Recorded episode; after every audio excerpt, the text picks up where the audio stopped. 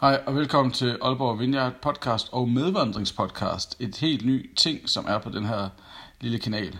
Det er sådan, at jeg, Thomas Witter, tidligere har haft øh, en medvandringspodcast.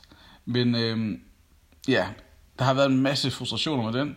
Og en af grundene til, at den har været lidt død de sidste par måneder, det er fordi, jeg har været super frustreret over, at, øh, den, at iTunes ligesom ikke vil optage den af en eller anden grund som deres podcast.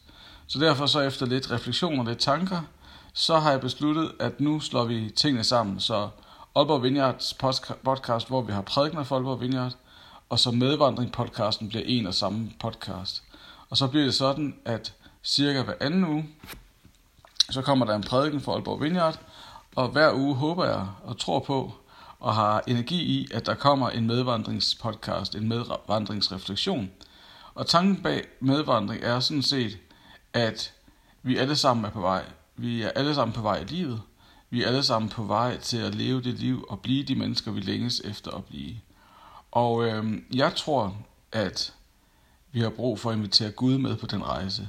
Så de her medvandringsreflektioner er i grund refleksioner over, hvordan det er, at Gud kan blive en del af vores rejse sammen, og hvordan at Gud også kan hjælpe os til at blive de personer, som vi i grund er skabt til at være. Øh, så det er sådan det, der er målet, at jeg kommer med nogle små refleksioner, og øhm, så kan du kommentere, du kan skrive ind til mig, du kan gøre hvad end du vil. Øhm, og øhm, jeg vil starte en lille medvandringsserie, som handler om de fire sandheder om Gud. Og øhm, den første sandhed, som jeg gerne vil tage hul på, er sandheden om, at Gud, han er god, så alt, hvad du har behov for, kan du få hos ham. Og øh, hvis Gud han er så god, som han siger, og han vil det bedste for sine børn, så behøver vi jo ikke at frygte, hvad skal man sige, om der nu bliver taget hånd om os. Fordi Gud han er god, og han skal nok sørge for os. Og øh, jeg tror, hvis du spurgte mig sådan randomly, så, øh, så vil jeg nok sige, ja selvfølgelig er Gud er god, han skal nok tage sig af os. Og øh, så her for nogle uger siden, en måned tid siden, så blev jeg ramt af sådan, hvad skal man sige, jeg havde virkelig nogle dage, hvor jeg var lidt nede sådan rent humørmæssigt, og synes virkelig, at tingene var ikke særlig fede. Og øh, normalt, når jeg rammer sådan lidt en down-periode, øh, så er det ofte fordi, jeg måske føler mindre værd, jeg føler, at jeg ikke gør det godt nok, eller jeg sådan på en eller anden måde har fejlet og burde være meget bedre og burde være en større succes og alt det der. Ja. Øhm, så hvis du har hørt øh, medvandringspodcast før, så ved du, det er nogle af de issues, der ligesom er i mit liv. Øhm, og øh, så mødtes jeg med en ven og øh, prøvede at sætte ord på det her, som jeg synes, jeg var udfordret af. Og jeg kunne bare mærke, nej, det handlede ikke om, at jeg ikke synes, jeg gjorde det godt nok, eller at jeg ikke var en stor nok succes, og jeg ikke havde nok følgere på Facebook og Instagram og hvad man nu ellers skulle forestille sig. Jeg kunne mærke, at der var noget andet på spil. Og øh, grunden til, at jeg troede, det handlede om min egen succes, det var fordi, at der havde været en gudstjeneste i Aalborg Vineyard, hvor at, øh, jeg synes simpelthen ikke, der var særlig mange mennesker. Øh, og de næste mange dage, øh, så, øh, så havde det helt vildt skidt med det. Og øh, derfor så troede jeg, det handlede om det. Det handlede om, at jeg ikke gjorde det godt nok som præst, og jeg var ikke en... Ja, alt det der. Men så da jeg så mødtes med min ven, øhm, så fik jeg snakket om det, og så gik det op for mig, at der var noget, det var noget helt andet på spil. Det er nemlig sådan, at øh, min kone og jeg, vi lige har købt et hus. Og øh, det er vi selvfølgelig super glade for. Vi er lige flyttet ind for tre dage siden. Og øh, det er virkelig, virkelig fedt. Og øh, så, øh, når man køber et hus, så stifter man jo en masse gæld. Og øh, jeg, ved, jeg har aldrig før sådan rigtig været nervøs omkring penge. Men jeg kan ligesom mærke det her med at købe et hus og satse så meget sådan, hvad skal man sige, vi, vi skal ligesom være fornuftige med vores penge. Vi kan ikke bare sådan smide rundt med dem, hvis, hvis øh, man får... Ja, det, det kan vi ikke, når vi har sat os i den situation, vi har. Og øh, og så kunne jeg mærke, at så stod jeg der til gudstjenesten, og så tænkte jeg, okay, der er ikke så mange her.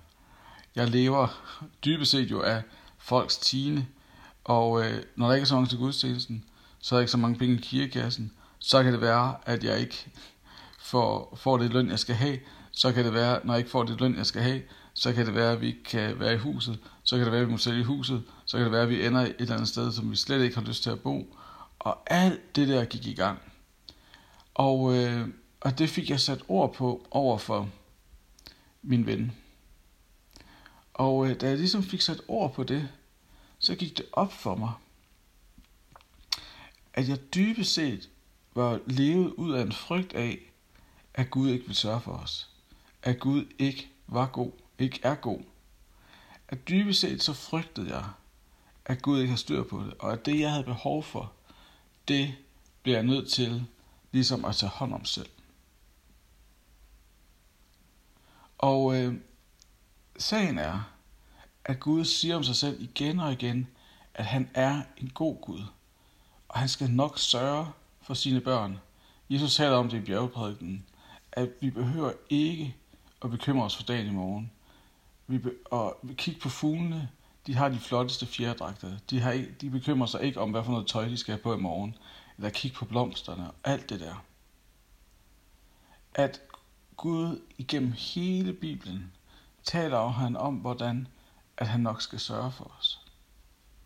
Og øh, jeg tror, at rigtig mange af os, vi er faktisk lidt bekymret for, om Gud nu vil give os alt det, vi behøver.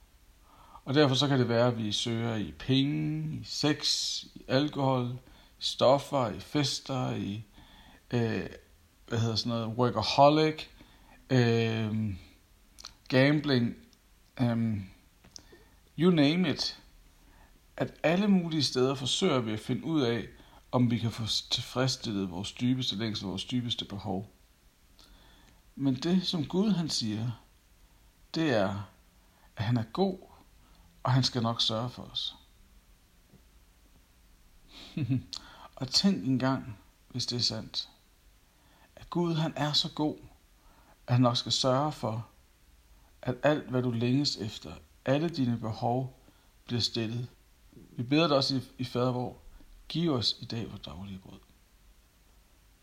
Tænk engang, hvis vi kunne hvile i det, og leve ud af, at Gud skal nok sørge for os.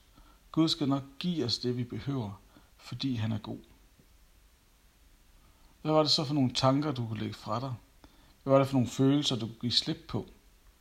Hvad var det for nogle nye handlinger, du kunne træde ind i? Hvad er måske nogle af de penge, du så kunne begynde at give til andre? Hvordan kunne du leve generøst, hvis du vidste, at der allerede var sørget for dig? Og det er ikke fordi, jeg sådan forsøger at sige, at du skal lægge din hjerne fra dig, at du bare skal leve sådan uden ansvar. Det er ikke det, jeg snakker om. Men jeg, lever, jeg snakker om at kunne leve ud af forståelsen af, at Gud han er god, og han skal nok sørge for os. At hvordan er det, det ændrer vores attitude i forhold til os selv, i forhold til andre mennesker, i forhold til, hvordan at vi kan møde verden.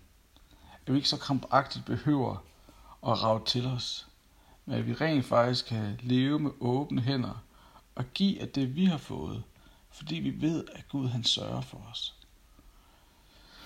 Så min bøn øh, for dig i dag, det er i grunden, at du må ture og leve ud af sandheden om og i tillid til, at Gud er god, og han nok skal sørge for dig. At han nok skal tage sig af dig. Han nok skal tilfredsstille alle dine behov. Du behøver ikke at søge alle de andre steder. Du behøver ikke at jagte det alle mulige andre steder. Men Gud han er god, og han tilfredsstiller alle dine behov. Prøv at stille dig selv det her spørgsmål.